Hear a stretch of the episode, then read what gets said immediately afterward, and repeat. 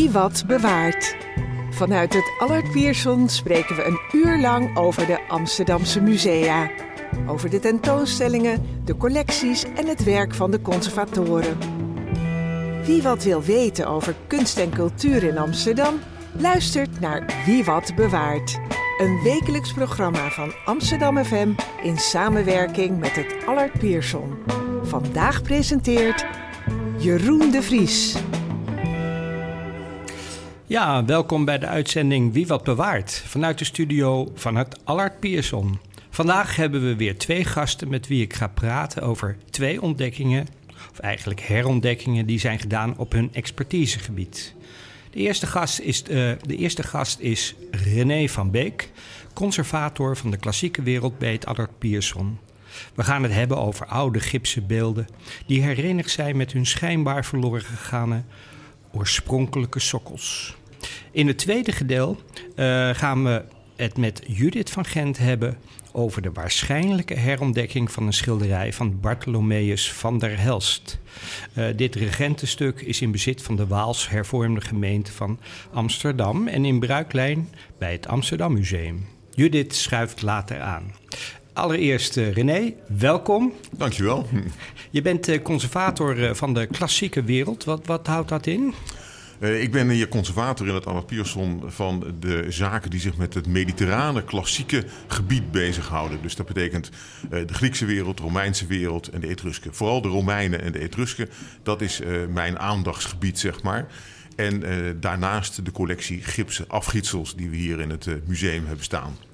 Ja, want daar gaan we het vandaag ook over hebben. Hè? Eigenlijk staan hier altijd permanent uh, op de derde verdieping, uh, geloof ja, gelukkig wel. Ja, ja. prachtige beelden. Ja. Uh, het zijn gipsen beelden. Wat is de functie van deze beelden? Of ja, waar komen is, ze vandaan? Het is een hele interessante collectie, die gipsen beelden. Het zijn beelden die voor een groot gedeelte uit de academie komen in Den Haag. De Koninklijke Academie in Den Haag. En dat is een traditie die al heel lang bestaat. Want die gipsen beelden werden gebruikt in, bij academies om kunstenaars te leren tekenen naar model.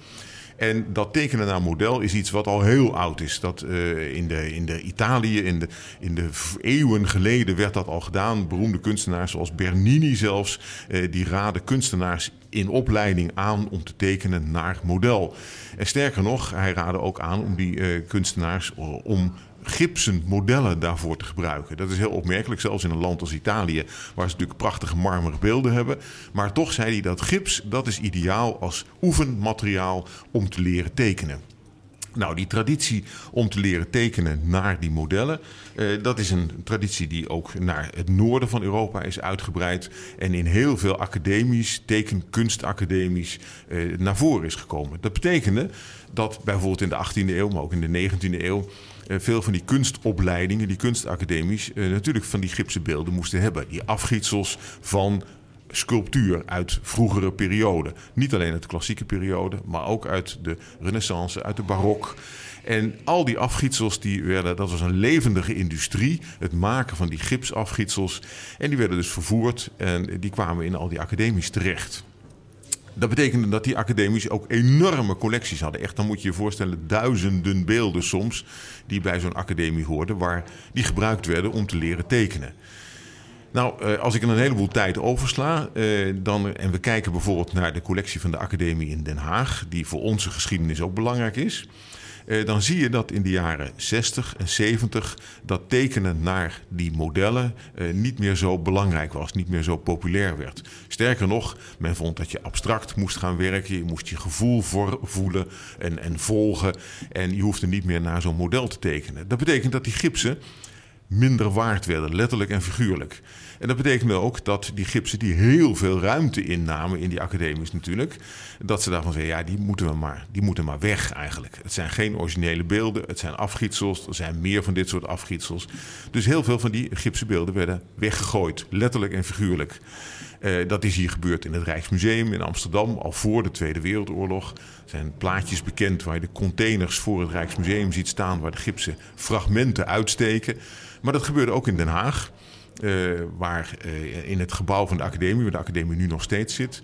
Uh, waar bijvoorbeeld oud-studenten van vertelden... Ja, als we die gipsen beelden naar beneden gooiden van de trap af... Uh, dat tinkelde zo mooi, want als gips breekt, dat maakt een heel mooi geluid. Nou, dat zijn gruwelijke verhalen. maar en dat zo, was in de jaren 70? Dat was in de jaren 60, 70.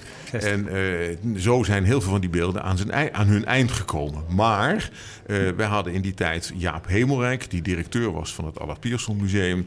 En Jaap Hemelrijk zei... de afgietsels van de klassieke beelden, die zijn ontzettend belangrijk en die wil ik hier in Amsterdam hebben. En die heeft toen gezorgd dat die klassieke beelden, eh, dat die allemaal vervoerd werden naar Amsterdam toe, uit de academie in Den Haag. En dat is bij ons nu de kern, zeg maar, van de collectie gipsen afgietsels die hier op de bovenste verdieping van het museum is te zien. En daar zijn we buitengewoon blij mee, want die gipsen afgietsels, ja, die vertellen ontzettend veel verhalen. Uh, dat is heel interessant. En het interessante is ook dat nu uh, weer studenten die moeten leren tekenen, weer hier komen in het museum om te leren tekenen, om die gipsen modellen te gebruiken als model. Dus de cirkel is eigenlijk een beetje rond weer. Die is een beetje rond en we houden die cirkel ook erg gesloten, want we zijn heel blij, blij met die beelden. Dus uh, laat ze vooral hier staan en laat ze vooral gebruikt worden weer ook op verschillende manieren, maar onder andere om ook weer te leren tekenen. Ja, en uh, uit de oudheid hebben jullie uh, de beelden. Uit welke periode ongeveer? Nou, het merendeel van de beelden dat we hebben zijn uh, kopieën van Griekse sculptuur. En we hebben ook enkele stukken uit de Romeinse tijd. Dus echt de klassieke periode, de klassieke sculptuur. En dat is ook heel interessant, want je...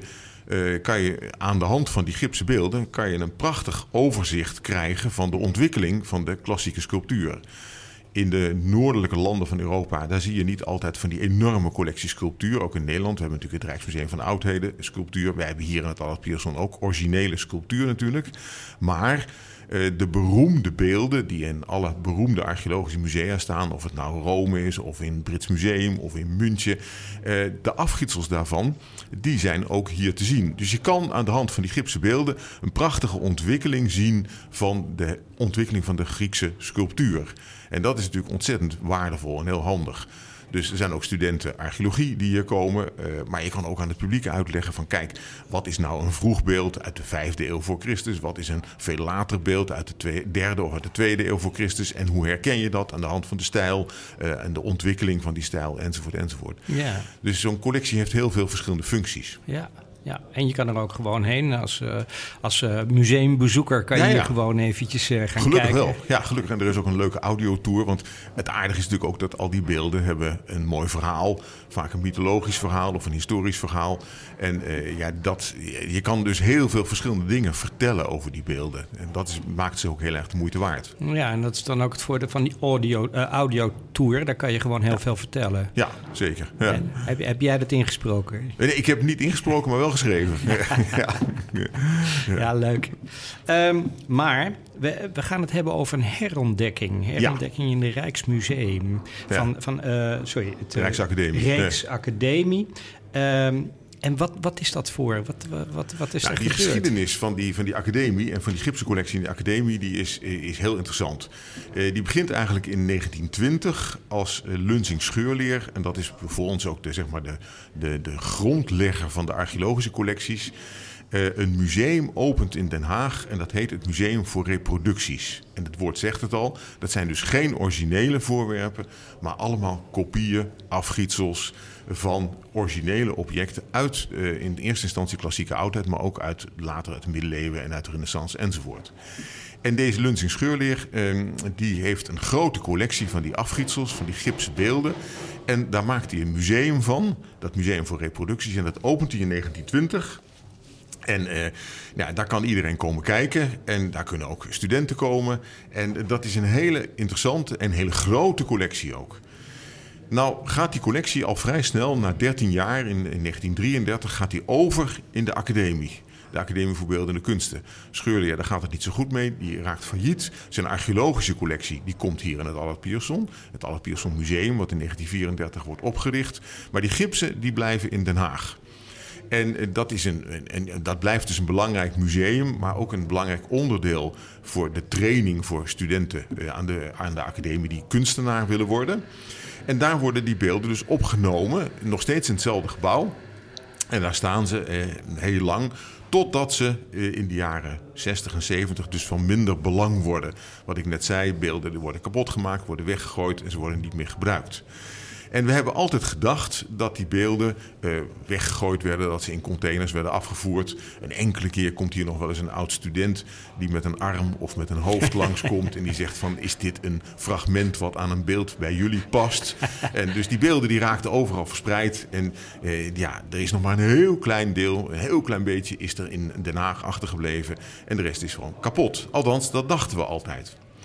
En nou is er een student uh, die uh, deze week is afgestudeerd in de academie in Den Haag.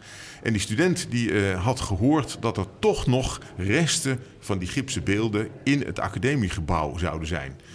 En die student is buitengewoon inventief en die is gaan zoeken. En die heeft uiteindelijk in een soort kruipruimte van de academie... heeft hij een ongelofelijke hoeveelheid fragmenten teruggevonden... van beelden die daar kapot gegooid zijn.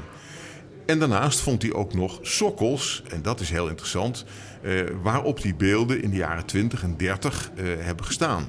Dus waarschijnlijk sokkels die Lunsing Scheurleer, dus de, de stichter van het museum, zeg maar, heeft gebruikt om die beelden op te zetten.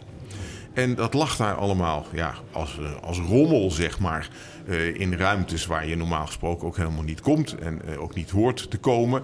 En uh, dat is daar ja, ooit terechtgekomen, waarschijnlijk in de jaren 60 en 70. En daar blijven liggen en er heeft nooit iemand acht op geslagen. Nee, want niemand kwam ook in Niemand kwam daar, precies. Nee. niemand kwam daar. En nou, deze student, die is dus heel goed op onderzoek afgegaan, Robin Whitehouse.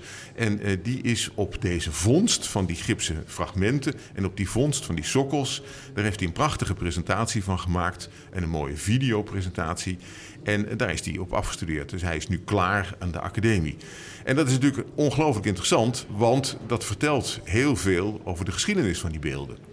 Want wij hebben altijd gedacht, die beelden zijn allemaal kapot gegooid. Een deel is in Amsterdam terechtgekomen, een heel klein deeltje staat nog in Den Haag. Dat is het. Maar dat blijkt dus niet zo te zijn. Okay. Er zijn dus nog steeds fragmenten die daar liggen. En hij heeft als een, eh, als een, soort archeoloog is hij daar te werk gegaan en heeft heel veel van die fragmenten eh, uit de grond gevist en, en opgeraapt. En heeft als het ware een soort noodopgraving uh, uitgevoerd. En die fragmenten ook weer voor een deel aan elkaar kunnen leggen en dingen kunnen reconstrueren. Dus niet alleen gipsen uit de klassieke oudheid, maar ook uit later tijd. En hij heeft dus laten zien, ook nu aan de hand van foto's, wat daar allemaal nog in die, in die kelder zeg maar, van, dat, van die academie ligt. En dat heeft hij voor een deel gepresenteerd in zijn afstudeerpresentatie, in zijn afstudeerproject. In combinatie met een aantal beelden die al in Amsterdam stonden natuurlijk, die in de jaren 70 naar Amsterdam gegaan zijn. En we hebben toen aan de hand van oude foto's hebben we een selectie gemaakt van een aantal beelden. En we gezegd, nou dat moet tijdelijk even terug naar de academie, zodat die geschiedenis weer wordt duidelijk gemaakt. Zodat die geschiedenis weer aangeeft van kijk, dit zijn de klassieke beelden die afgegoten zijn en die nu in Amsterdam staan. Maar die afkomstig zijn uit Den Haag, uit de collectie van Den Haag. En daar nu weer één worden zeg maar, met al die fragmenten die gevonden zijn. En die ook op die oorspronkelijke sokkels hebben gestaan. Oké, ja, leuk. En wat is het belang daarvan? Het belang daarvan is dat je die geschiedenis uh, beter weet. En dat je dus de geschiedenis van die Gipse collectie uh, beter kan beschrijven en, en, en, en beter bevat. En dat je dus ook kan zien van ja, wat was de waardering? Die waardering van die gipsen was in de jaren 60, 70 buitengewoon slecht. Anders werden ze natuurlijk niet kapot gegooid. Maar daarvoor waren ze heel belangrijk. En een van de uh, sokkels bijvoorbeeld, die gevonden zijn, daar staat ook nog in het handschrift, misschien wel het handschrift van Scheurleer nog, van Dunsing Scheurleer, het woord Athena op, dus de godin Athena. En die heeft ongetwijfeld op die sokkel gestaan. Dus het is heel leuk als je aan de hand van dit soort vondsten weer de oorspronkelijke samenstelling, de oorspronkelijke opstelling, zeg maar, uh, kan reconstrueren. En kan zeggen van kijk, zo zag het eruit, zo werden ze gebruikt. In de jaren 60, 70 werd dat afgesloten. Uh, maar aan de hand van deze vondsten kunnen we die geschiedenis beter begrijpen en beter reconstrueren. Ja, die sokkels, dat, dat was ook van gips? Nee, die sokkels waren van hout. Uh, op een hele saaie, grijsgroene manier beschilderd. Uh, maar heel kenmerkend voor die tijd, jaren 20, jaren 30. Uh, toen die gipsen op dat soort vaal, vaal geschilderde sokkels werden geplaatst. Oké. Okay. Dus het geeft een heel mooi tijdsbeeld. Ja. Dus het is ook, ja, nou goed, dat is de herontdekking. De, de, de, de, het terugbrengen van de sokkels uh, aan de beelden. Ja. Uh, wat hartstikke leuk is. Hè. Dit programma heet Wie Wat Bewaart. Dus, uh, dat dit... is een heel mooi voorbeeld daarvan. Je hebt echt nou, ja, iets wat bewaard. Nou ja, het niet bewust. nee, nee, nee, klopt. Het is een, een toevalsvondst. Ja. En door zo'n toevalsvondst weet je dus meer. En, en komt er iets boven water waarvan we helemaal niet meer wisten dat het überhaupt nog zou bestaan. En dat maakt het natuurlijk waardevol. En het, uh, bij die academie, dat is, uh, deze student, deze Robin Whitehouse, heeft dat gepresenteerd als een afstudeerproject. En die afstudeerprojecten van alle studenten aan de academie die afstuderen, dat staat er een week. En dan kan iedereen het komen bekijken en daarna houdt het weer op. Dus nu uh, moeten we goed nadenken, hoe gaan we die geschiedenis wel bewaren, zeg maar. Want nu hebben we die sokkels, we hebben heel veel van die fragmenten. Uh, hij heeft een prachtige video-installatie gemaakt over deze vondst en over die combinatie van die gipsen met hun fragmenten, met hun sokkels. En uh, dat zou mooi zijn natuurlijk als dat stukje van die geschiedenis ook zichtbaar blijft. Of verder zichtbaar wordt. Of dat nou in de academie in Den Haag is, of dat dat hier in het Adda Pierson is. Dat kan allemaal natuurlijk. Maar het is wel interessant om dat stukje geschiedenis ook goed te bewaren. Ja, want het is dus tentoongesteld, uh, maar nu niet meer. Dat was dat in nee. het kader van het afstuderen, begrijp ik. Ja, ja. En uh, kunnen we het in de toekomst wel zien, denk je? Nou, dat hoop ik wel. Want kijk, de gipsen beelden uh, die behoren tot de collectie van het Albert Pierson. En die kunnen we hier ook zien. En die gipsen fragmenten die behoren tot de collectie van de Koninklijke Academie in Den Haag. Uh, maar dat is heel goed om dat natuurlijk uh, of permanent of van tijd tot tijd samen te brengen. Om in ieder geval die geschiedenis duidelijk te maken. Dus ik hoop wel dat er binnenkort iets gebeurt waardoor je dat of tijdelijk of langduriger kan zien in een presentatie. Want daar leent het zich wel heel erg voor. Ja, en ook het verhaal natuurlijk daarachter, hè, dat het weer gevonden ja. is ja, dat verhaal is natuurlijk ontzettend leuk. En uh, ja, dat zie je ook in die gipsencollectie. En dat zie je ook hier in het Allard Pierson. Dat die gipsen heel veel verhaallijnen hebben. Uh, we gebruiken de verhaallijn van het ontstaan van die geschiedenis. Uh, waarom werden die gipsen gemaakt? Dus als model voor een academie, voor een student in opleiding. Maar het vertelt ook het verhaal van de klassieke sculptuur. Het vertelt ook vaak het verhaal van de waardering van de archeologie. Uh, waarom werden bepaalde beelden wel afgegoten en bepaalde beelden niet? Dat heeft ook te maken met de ontdekking van archeologie. Uh, denk aan de sculpturen van het Parthenon in Athene uh, in de 19e eeuw, maar ook sculpturen uit, uit andere plaatsen zoals Egina in Griekenland, die heel belangrijk waren en die iets vertellen over de waardering van de archeologie in die 19e eeuw. Dus er zitten allemaal verhaallijnen in, in die collectie. En dat laten we hier ook zien op de, op de bovenste verdieping al die verhaallijnen, uh, die vertellen iets over die collectie. En dat is natuurlijk het aardig. Maar je kan ook gewoon zeggen van ik wil een mooi mythologisch verhaal of een mooi historisch verhaal over de Laocoon-groep of over een, uh, een van de goden, uh, dat soort zaken. Dus dat kan je allemaal gebruiken, of kan je allemaal toepassen, liever gezegd, op die gipsen beelden. Ja, het mooie was natuurlijk, er was waarschijnlijk maar één uh, origineel en dat, daar kwam de hele wereld over op deze bediening. Ja, nee, dat, is, dat klopt. En sterker nog, er waren meestal bronzen originelen in de Griekse tijd. Die bronzen originelen die zijn er überhaupt niet meer, want die zijn in de Romeinse tijd gekopieerd vaak in marmer. En die marmeren beelden die zijn dan weer gekopieerd in gips. Dus als je kijkt en als je rondloopt tussen die gipsen beelden, eh, dan kijk je naar een gipsen kopie, meestal uit rond 1900 of de 19e eeuw, naar een Romeins beeld. En dat Romeins beeld is dan weer een kopie van een Grieks beeld, wat niet meer bestaat. Dus je vraagt je altijd af van waar kijk ik nou naar? Kijk ik nou naar een Grieks beeld uit de 5e eeuw voor Christus of kijk ik naar een gipsen beeld uit 1900? En allebei is waar. Uh, en je kan dus ook op dat punt op verschillende manieren kijken en op verschillende manieren die collectie ook gebruiken. Ja, ja dat begrijp ik. En uh, ja, het is ook wel vreemd of mooi dat ze in 1900 uh, toen zijn begonnen met dat. Uh, het was een hele al industrie, eerder. vertelde al je eerder. al eerder. Ja, okay. al eerder. Er zijn uh, in het Rijksmuseum van Oudheden zijn bijvoorbeeld afgietsels van de zuil van Trajanus. die al uit de ja, eeuwen daarvoor al zijn afgegoten. Het is heel interessant.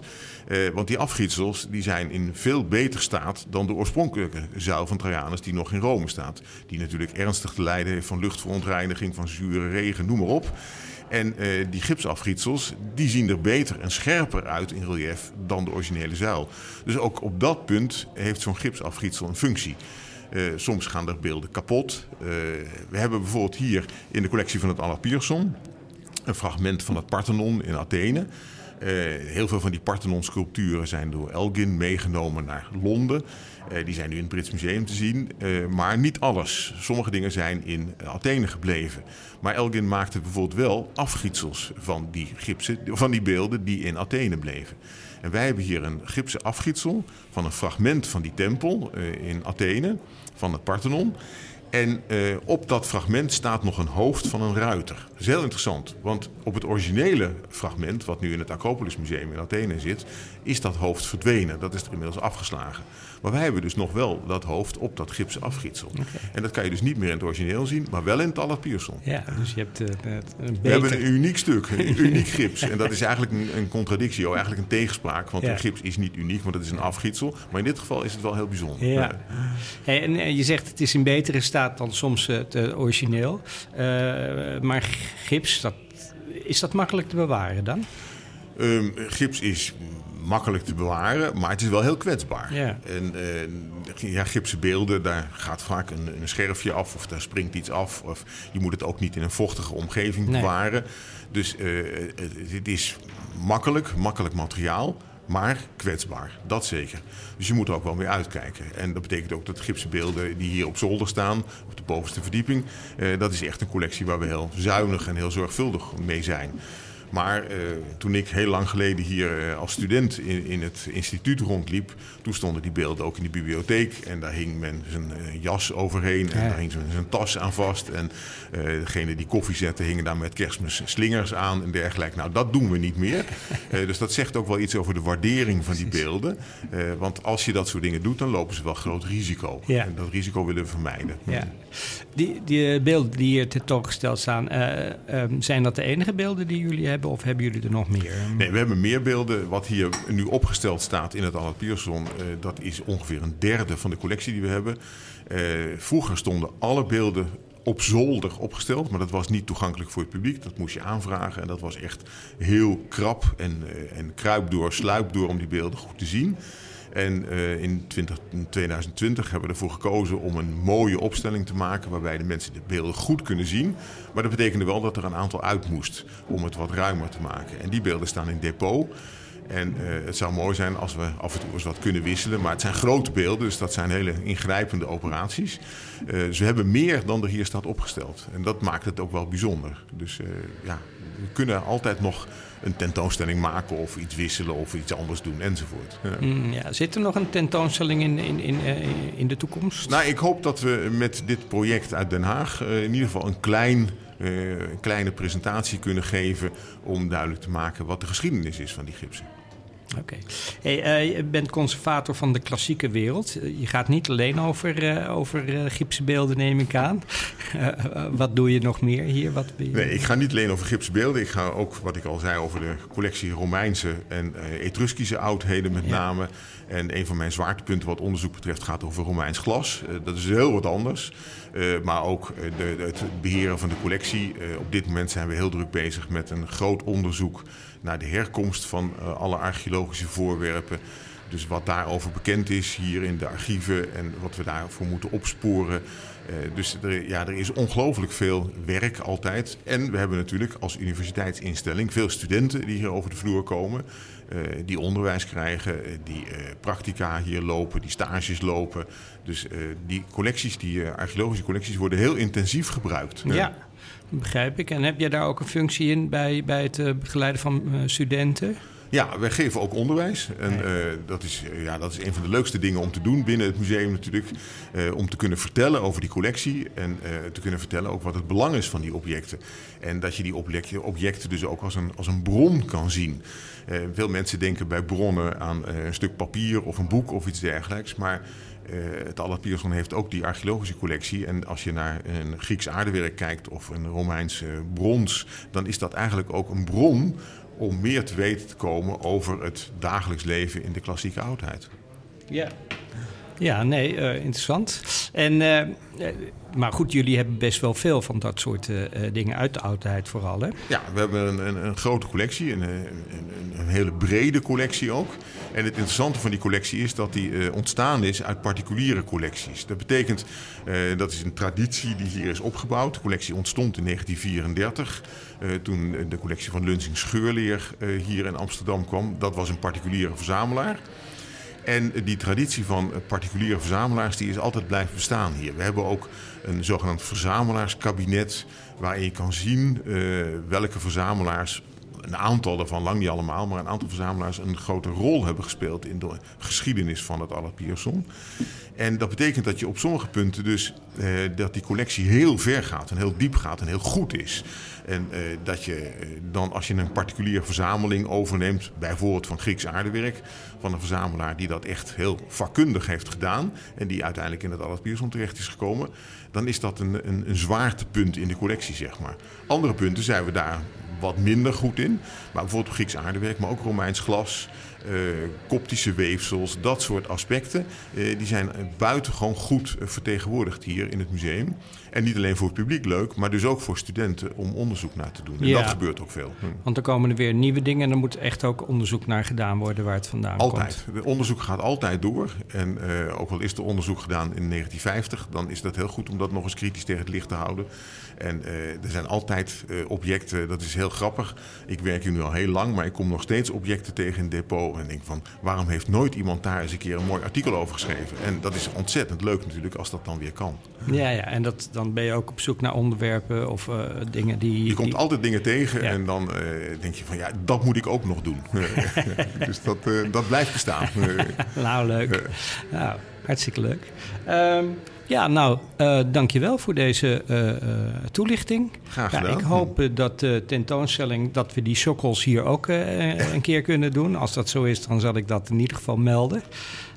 want het is een heel interessant verhaal. Dat, dat, het is een interessant verhaal, een interessant project. Ja. En, en deze student, deze Robin Whitehouse heeft dat buitengewoon goed en slim aangepakt. En uh, dat is een interessante presentatie geworden. Zeker. Ja, ja. nou ja, goed. En uh, jullie hebben er ook uh, veel publiciteit aan gegeven. Ja, nou, hartstikke leuk. René, dankjewel. Graag gedaan. Ja, jij moet snel weg, dus ik ga over naar mijn andere gast. Je kan, als je wil. Um, inmiddels is aangeschoven Judith van Gent hoofdcollecties van het eh, Amsterdam Museum, maar hier in de hoedanigheid van expert van de schilder Bartholomeus van der Helst. Ja. Welkom Judith. Dankjewel. Wie is Judith van Gent? nou, Judith van Gent is uh, inderdaad wat je zei, hoofdcollecties en onderzoek uh, bij het Amsterdam Museum. En uh, ik ben van huis uit een kunsthistoricus. Ik ben in 2011 gepromoveerd op Bartholomeus van der Helst, een 17e eeuwse Amsterdamse portretschilder. En Daarnaast uh, ben ik bij het museum ook uh, conservator. Dus ik doe ook uh, onderzoek, hè, wat René net ook vertelde. Ja. Super interessant. daar kan ik misschien zo ook meteen iets over vertellen Tuurlijk. bij het museum. Maar we zitten hier volgens mij vooral om het over Van der Helst te hebben. Ja. En met name over dat we een paar maanden geleden eigenlijk een soort van nieuwe Van der Helst hebben ontdekt. Ja, gaan we, en het heel interessant natuurlijk, ook een ontdekking. Hè? Ja. Dus, um, um, maar eventjes op uh, Van der Helst, Bartholomeus van der Helst. Wat, wat, wat was dat voor schilder? Hij was een portretschilder. Hij leefde in dezelfde tijd als Rembrandt in Amsterdam. Dus het waren een soort van concurrenten. Rembrandt schilderde natuurlijk ook portretten. Maar hij deed ook nog een heleboel andere dingen, zoals we weten. Maar uh, Bartholomeus van der Helst schilderde met name portretten. Dus er zijn, uh, ik heb een oeuvre, in mijn onderzoek heb ik een oeuvre gevonden van zo'n 154 schilderijen. En dat zijn eigenlijk op één na uh, allemaal portretten. Okay. En dat, kan, dat zijn enkelvoudige portretten van mannen en vrouwen. En dat zijn vooral patriciërs hier uit Amsterdam uit de 17e eeuw. Maar hij heeft ook heel veel groepsportretten geschilderd. Dus we kennen natuurlijk allemaal de nachtwacht van Van der Helst uit 1642. Of uh, sorry, van Rembrandt uit 1642. Ja. Maar uh, uh, Van der Helst heeft het jaar daarvoor voor dezelfde zaal hier in de, in de Doelenstraat ook een heel groot schutterstuk geschilderd. En dat, daar heeft hij ook een paar van geschilderd. Ja. Dus hij was, uh, nou, zat in hetzelfde vakgebied of dezelfde uh, markt als, als Rembrandt, begrijp ik. Ja, ja, zeker. Hij schilderde alleen heel anders. Want hij schilderde heel glad en duidelijk. Hij kwam eigenlijk tegemoet aan wat zijn opdrachtgevers wilden.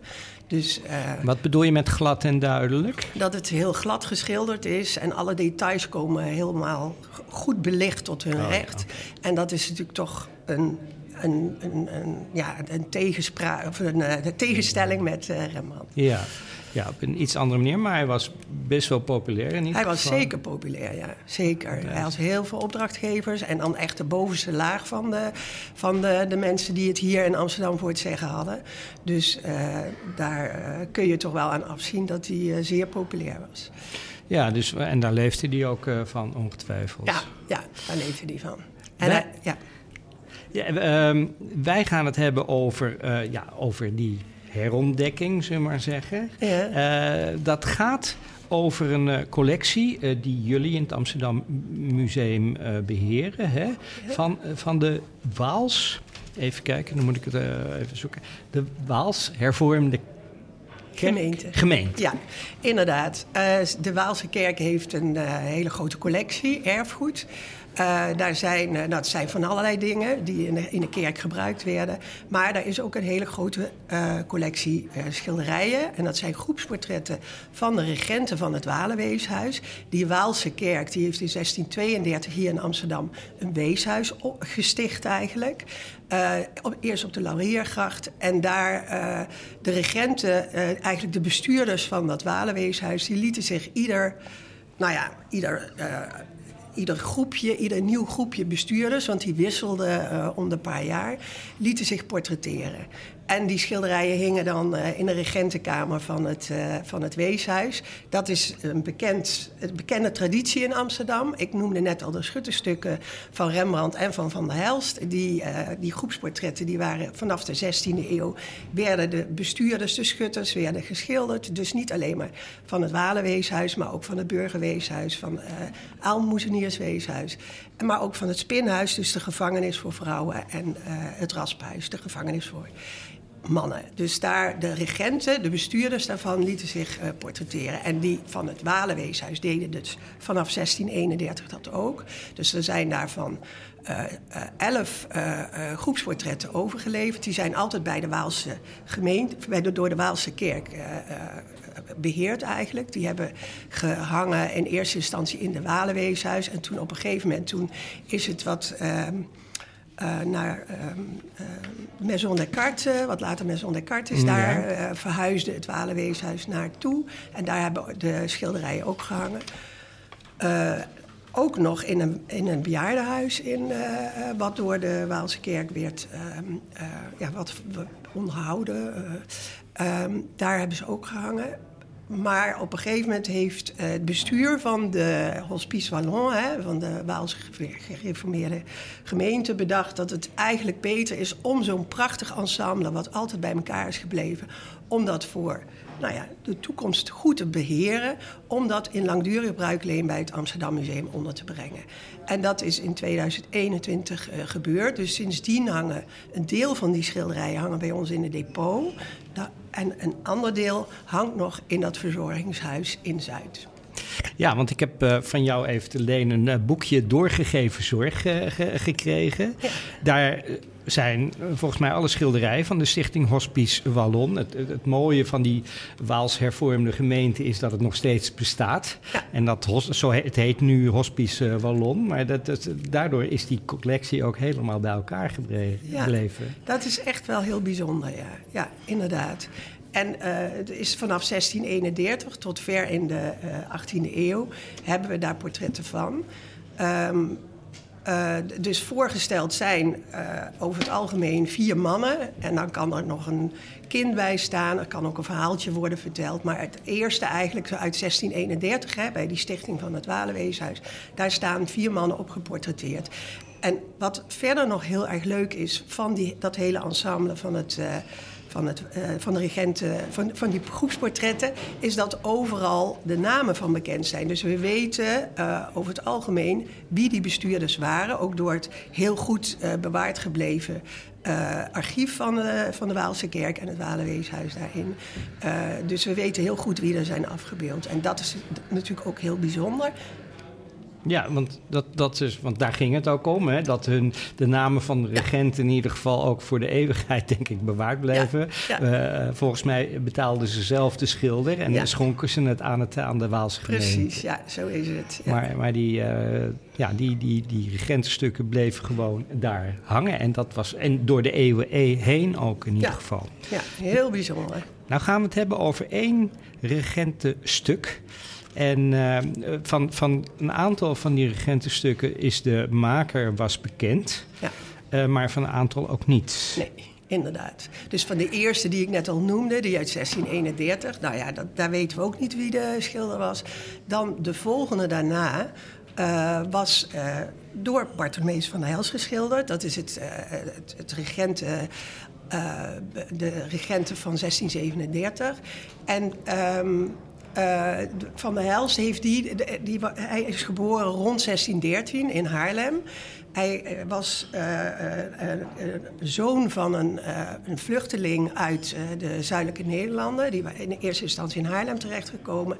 Dus ze zaten al in dat, dat, ja, dat netwerk van zuidelijke Nederlanden. Ja, want daar komt de Waals hervormde gemeente Precies, ja.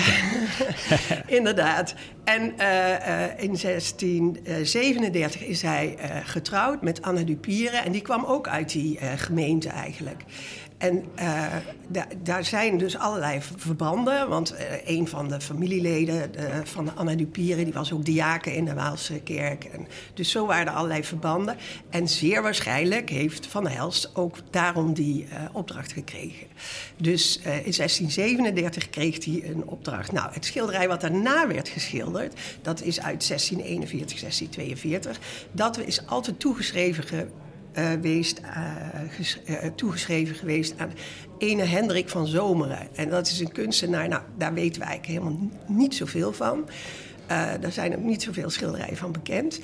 maar deze is eigenlijk in de traditie, eigenlijk vanaf de 19e eeuw werd het schilderij altijd aan Hendrik van Zomeren toegeschreven.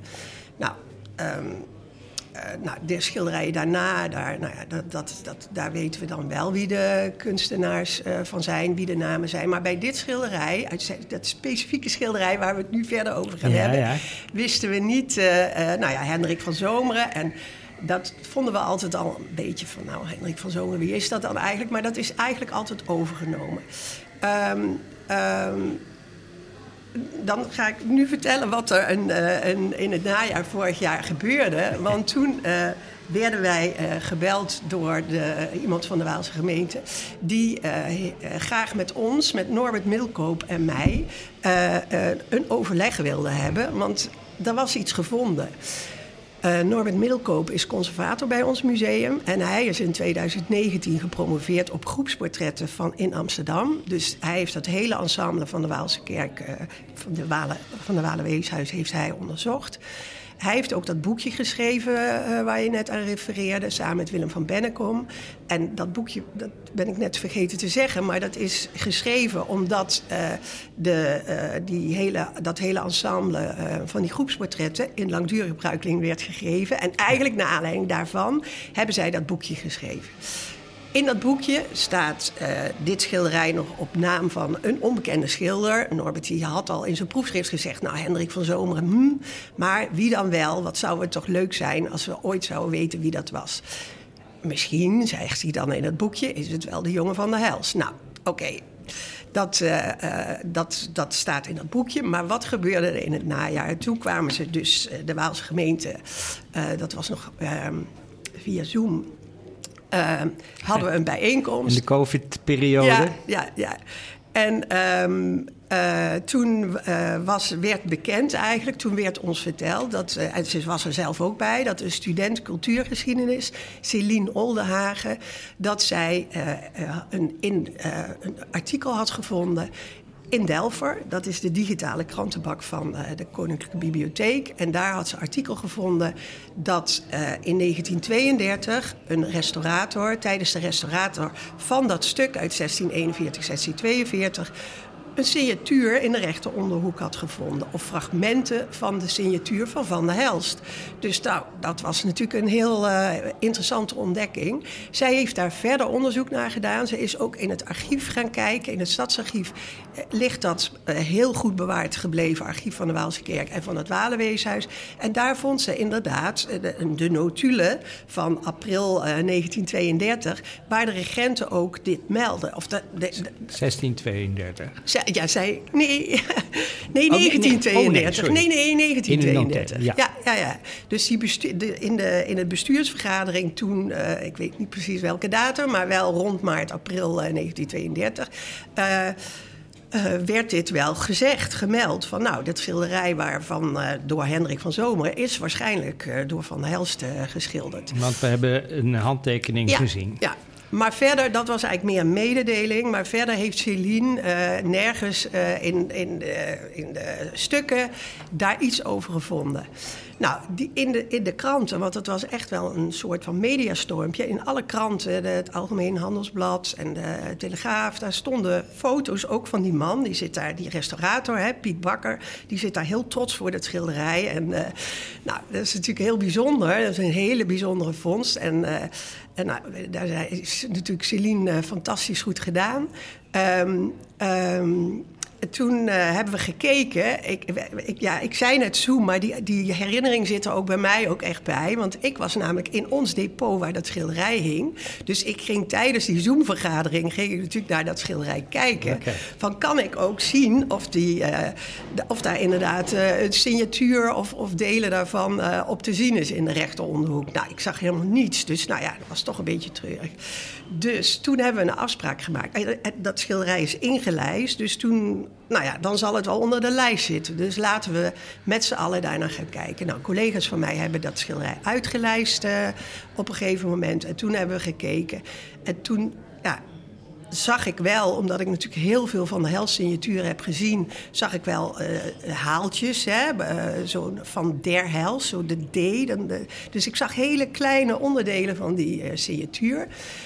Um, toen hebben we het nog schoon laten maken door een restaurator, dat, rechter, dat hoekje in de rechteronderhoek. En uh, toen kwam er ook echt het woord hels tevoorschijn. Nou, dat is natuurlijk fantastisch. Het zag er heel goed uit, maar er stond alleen maar helst. En verder was natuurlijk alles weg. Of niet, ja.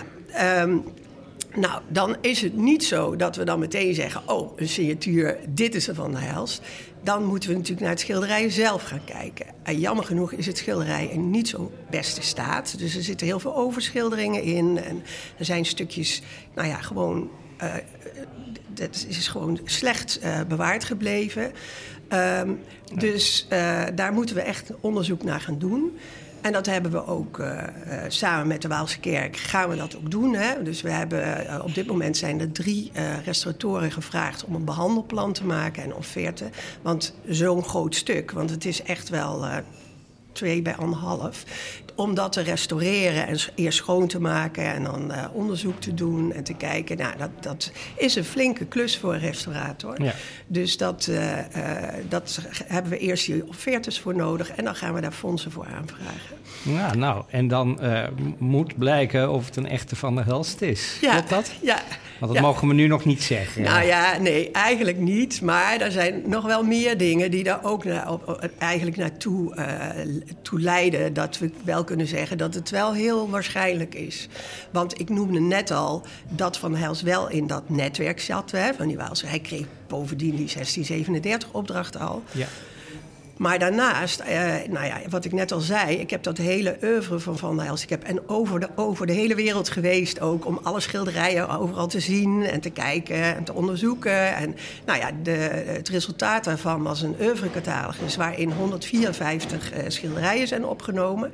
En dat heb ik ook in kaart gebracht. Uh, van Helst signaleerde over het algemeen als een werk en hij dateerde het ook. Nou, dat is eigenlijk heel fijn, want dan kan je dus precies een tijdlijn maken. Nou, in de wat ik allemaal had gevonden op dat moment uh, uh, tijdens mijn onderzoek, was dat hij ieder jaar wel één of meerdere stukken uh, schilderde, behalve in 1640 en 1641. Dus daar was dat eigenlijk een gat.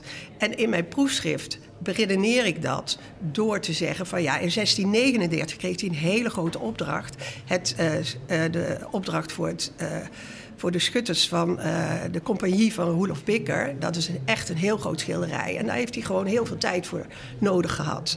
Nou, verder was dat gewoon een gat. En verder, alleen in 1663 zit ook nog een gat. Maar verder, dus dat zou zomaar kunnen dat dat dit schilderij is geweest... waar hij daar natuurlijk uh, mee, uh, mee bezig is geweest.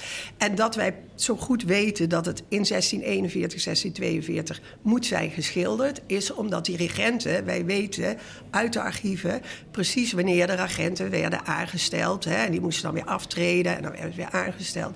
Dat wisselde steeds ieder jaar. Dus de mensen, de vier mannen die daar nu zijn afgebeeld...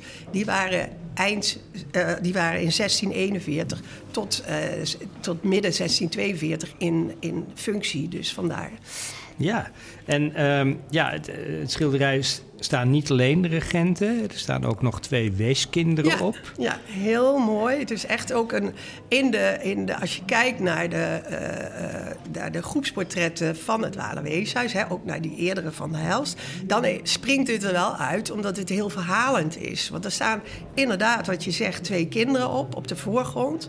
En linksachter staat er een vrouw, en dat is de binnenmoeder. En zij zorgde eigenlijk voor de dagelijkse gang van, uh, van het En uh, nou ja, Celine, die natuurlijk een geweldige onderzoeker is, die is nu bezig om in de archieven ook te kijken wat daar nou precies in, op afgebeeld is. Want die archiefstukken, de regenten zitten rond een tafel en er liggen een aantal archiefstukken. En zij zei mij laatst dat ook die archiefstukken, die boeken en zo, dat zijn boeken die echt bestaan in het archief. Dus dan zou je eigenlijk precies kunnen zien wat, welke. Dat, misschien is het zo, dat weten we nog niet. Dat moeten we natuurlijk allemaal nog gaan uitzoeken. En dat doet voornamelijk Celine natuurlijk. Uh, wat er hier eigenlijk is voorgesteld. Ja. Wat die binnenmoeder en die kinderen, welke kinderen, misschien komen we er zelfs wel achter welke kinderen dat zijn. En uh, ik geloof dat ze al wel weten hoe die binnenmoeder heet. En, uh, maar dat is uh, heel spannend. Ja. Zij heeft de, de, de, eerste instantie heeft ze dat hele verhaal over die ontdekking van dat, dat artikel in de krant en die stukken in het archief. Dat heeft ze gepubliceerd in Maanblad Amsterdam van het voorjaar.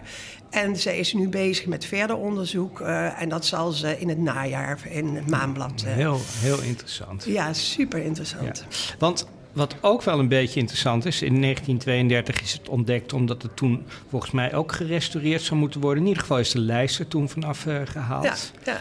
Uh, nou, dat is best wel publicitair, is dat, uh, is dat uh, bekend geworden. Maar daarna? Nee, daarna. en dat is natuurlijk best ingewikkeld, ook voor mij natuurlijk. Want ja, ja nou, ik heb die vraag niet veel gehad, maar ik heb het natuurlijk zelf wel. Van ja, waarom heb ik dat zelf nou eigenlijk nooit gezien? Maar goed, er zijn natuurlijk heel veel schilderijen uit die tijd. En je kan niet bij alles zeggen van... goh, moet ik dat onderzoeken omdat het misschien een van hels is. Maar los daarvan, ik heb natuurlijk wel tien jaar heel intensief onderzoek gedaan naar, uh, naar Van der Hels. Dus ik ben ook in archieven geweest. Ik ben in het RKD, het Rijksbureau voor Kunsthistorische Documentatie... waar ze echt alle documentatie over de, in ieder geval de 17e eeuwse schilderkunst uh, bewaren. Uh, nou, daar ben ik het dus, ik ben het gewoon helemaal nooit tegengekomen. En wat ik heel bijzonder ook aan vind, is dat in 1921 is Jan Jacob de Gelder ook gepromoveerd op Bartholomeus van der Helst, op ook een oeuvre-catalogus. En hij was in 1932 nog in leven en hij was de directeur van het prentenkabinet in Leiden.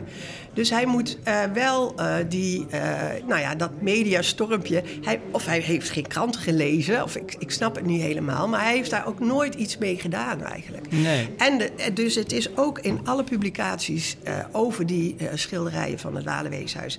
is dat nooit teruggekomen. Het is eigenlijk in eerste instantie ook steeds weer toegeschreven aan Hendrik van Zomer. Alsof er tijdens die restauratie in 1932 helemaal nooit iets is ontdekt. En dat, blijft, dat vind ik natuurlijk een heel interessante vraag. En ik hoop dat ik, ik, ik, hoop dat ik nog het, het archief van Jan-Jacob de Gelder bijvoorbeeld kan uh, inzien als dat ergens is. Om uh, daar wel onderzoek naar te doen van ja, hoezo is dat zo? Is daar helemaal geen aandacht? Uh, ja. Is dat gewoon verborgen gebleven? Ja.